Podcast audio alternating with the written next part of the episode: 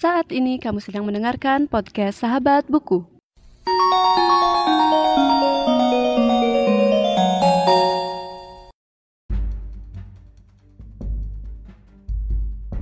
Dimensi tak terbilang dan tak terjelang. Engkaulah ketunggalan sebelum meledaknya segala percabangan. Bersatu denganmu menjadikan aku mata semesta. Berpisah menjadikan aku tanya dan engkau jawabnya. Berdua kita berkejaran tanpa pernah lagi bersua. Mencecapmu lewat mimpi terjauh yang sanggup kujalani. Meski hanya satu malam dari ribuan malam, sekejap bersamamu menjadi tujuan peraduanku. Sekali mengenalimu menjadi tujuan hidupku. Selapis kelopak mata membatasi aku dan engkau. Setiap nafas mendekatkan sekaligus menjauhkan kita. Engkau membuatku putus asa dan mencinta pada saat yang sama.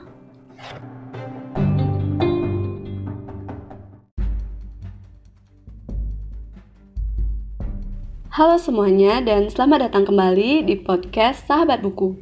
Bagi kamu yang baru pertama kali mendengarkan podcast ini, podcast Sahabat Buku adalah sebuah podcast yang membahas review buku dan pengalamanku saat membaca buku. Di episode kali ini, aku akan membahas sebuah buku berjudul Gelombang yang merupakan bagian dari serial Supernova yang ditulis oleh Dilestari dan diterbitkan oleh penerbit Bentang Pustaka. Nah, novel Gelombang merupakan seri kelima yang mana tokoh utama dalam novel ini bernama Alpha Sagala. Novel ini sama seperti seri sebelumnya merupakan novel fiksi ilmiah yang pertama kali diterbitkan pada tahun 2014 tanggal 17 Oktober dan tebal dari novel ini sekitar 492 halaman. Dan di novel ini kita akan menemukan kembali uh, cerita dari Giyu yang mana di novel sebelumnya diceritakan dia sedang dalam pencarian karena temannya yaitu Diva menghilang saat berkunjung ke hutan Amazon. Dan dalam perjalanan Gio mencari Diva, dia pergi ke sebuah tempat yang bernama Rio Tambopata. Dan di sana dia bertemu dengan seseorang yang sangat misterius dan nantinya dia akan diberikan empat buah batu dengan simbol-simbol tertentu. Lalu cerita ini dilanjutkan dengan uh, si tokoh utama yaitu Alpha Sagala, di mana Alpha Sagala uh, bernama uh, lengkap Thomas Alpha Edison dan dia memiliki dua orang saudara laki-laki yang bernama Albert Einstein yang biasa dipanggil Eten dan Sir Isaac Newton yang biasa dipanggil Uton.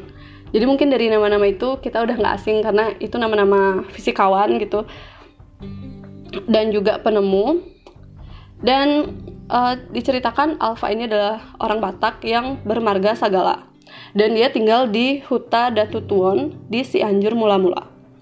Nah, pada suatu hari ada upacara pemanggilan roh Raja Uti untuk kepentingan seorang calon anggota DPR. Dan pada hari tersebut, uh, Alpha bertemu dengan sebuah makhluk yang menyeramkan yang nantinya akan disebut sebagai si Jaga Portibi. Dan dari sanalah salah seorang sakti dari desa itu yang bernama Om Putogu Urat ingin mengangkat Alfa menjadi muridnya dia. Namun, ada salah seorang ompu lagi yang berasal dari desa lain yang juga ingin mengangkat Alfa menjadi muridnya dia. Nah, karena ada banyak hal yang membingungkan di desa tersebut, keluarga Alfa akhirnya memutuskan untuk pergi ke Jakarta dan pada saat di Jakarta uh, ayah Alfa bertemu dengan seorang yang juga sama-sama orang Batak dan dia mengirimkan pekerja ke Amerika. Awalnya uh, kakak Alfa ingin dibawa ke Amerika Serikat untuk bekerja dan kayak anggapannya kayak mengangkat nama dari keluarganya dan berharap dia mendapatkan pekerjaan yang layak. Tapi kakak Alfa nggak terlalu pengen gitu buat kerja ke Amerika dan di sisi lain Alpha malah yang pengen gitu padahal dia masih belum cukup umur gitu. Tapi akhirnya Alfa pergi ke Amerika Serikat dan sekaligus menempuh pendidikan SMA dan dia mempunyai dua orang sahabat yang nantinya juga akan berkuliah di salah satu universitas ternama di Amerika Serikat. Nah, setelah dia berkuliah itu dia juga bekerja dan setelah itu bakal ada petualangan yang seru banget di novel ini yang aku nggak bakal ceritain terlalu panjang karena takut spoiler dan untuk kamu yang tertarik untuk membaca novelnya, kamu bisa membaca serial Supernova dari buku pertama sampai buku ke-6 untuk mengetahui lanjutan dari ceritanya. Dan selanjutnya, aku akan membahas pendapat pribadi aku mengenai novel ini. Nah, sebelum lanjut ke pendapat pribadi aku tentang buku ini, kamu bisa mendapatkan update dari podcast Sahabat Buku melalui Instagram at podcast Sahabat Buku dan Twitter at Sahabat Buku underscore. Selain review buku, ada tiga segmen lain di podcast ini, yaitu pembacaan karya sastra, bincang buku, dan sharing opini mengenai membaca dan literasi. Nah, tanpa basa-basi lagi, kita akan lanjut ke pendapat pribadi aku mengenai buku ini.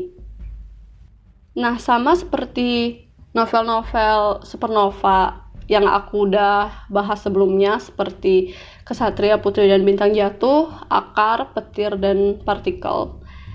Cerita-cerita dalam novel ini juga memberikan mungkin bisa dibilang kayak hal-hal yang bisa kita lihat di dunia nyata gitu.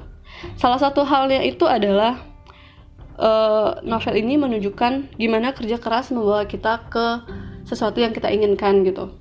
Contohnya aja kayak gimana si Alpha ini berusaha mendapatkan beasiswa untuk bisa kuliah di Amerika Serikat di universitas yang dia mau gitu.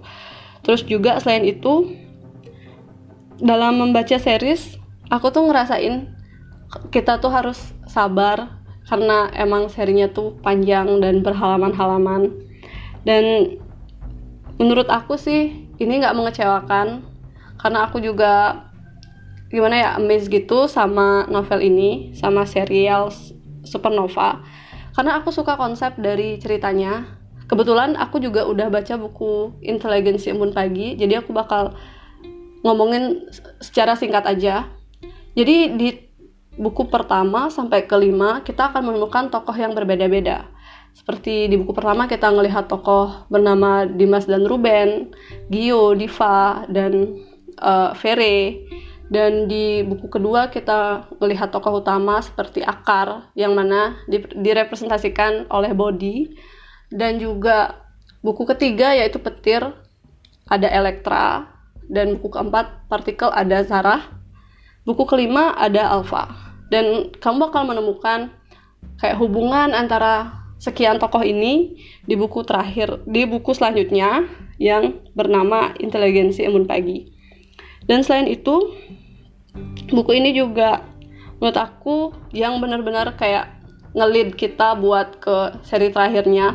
Karena mungkin di buku 1, 2, 3, 4 kita masih kayak nganggap itu benang kusut gitu ya. Masih ada banyak hal yang belum bisa kita temukan kayak masih misteri gitu. Dan di buku kelima ini udah bener-bener kayak mau ngantar kita ke buku selanjutnya. Dan mungkin beberapa hal yang kita bingungin waktu baca buku ke 1, 2, 3, 4 atau 5 bakal kita temukan jawabannya di buku ke-6 gitu. Dan sekian untuk pembahasan novel Gelombang. Dan selanjutnya aku bakal ceritain juga gimana pengalaman aku waktu membaca buku Inteligensi Embun Pagi di episode selanjutnya. Dan jika kamu ingin berbagi pendapatmu tentang buku ini, kamu bisa langsung menuju YouTube, Instagram, atau Twitter podcast Sahabat Buku dan sampaikan di kolom komentar. Kamu juga bisa mendukung podcast Sahabat Buku melalui link karyakarsa.com yang ada di deskripsi. Jangan lupa untuk membagikan episode ini di sosial media kamu. Terima kasih telah mendengarkan dan sampai jumpa di episode selanjutnya.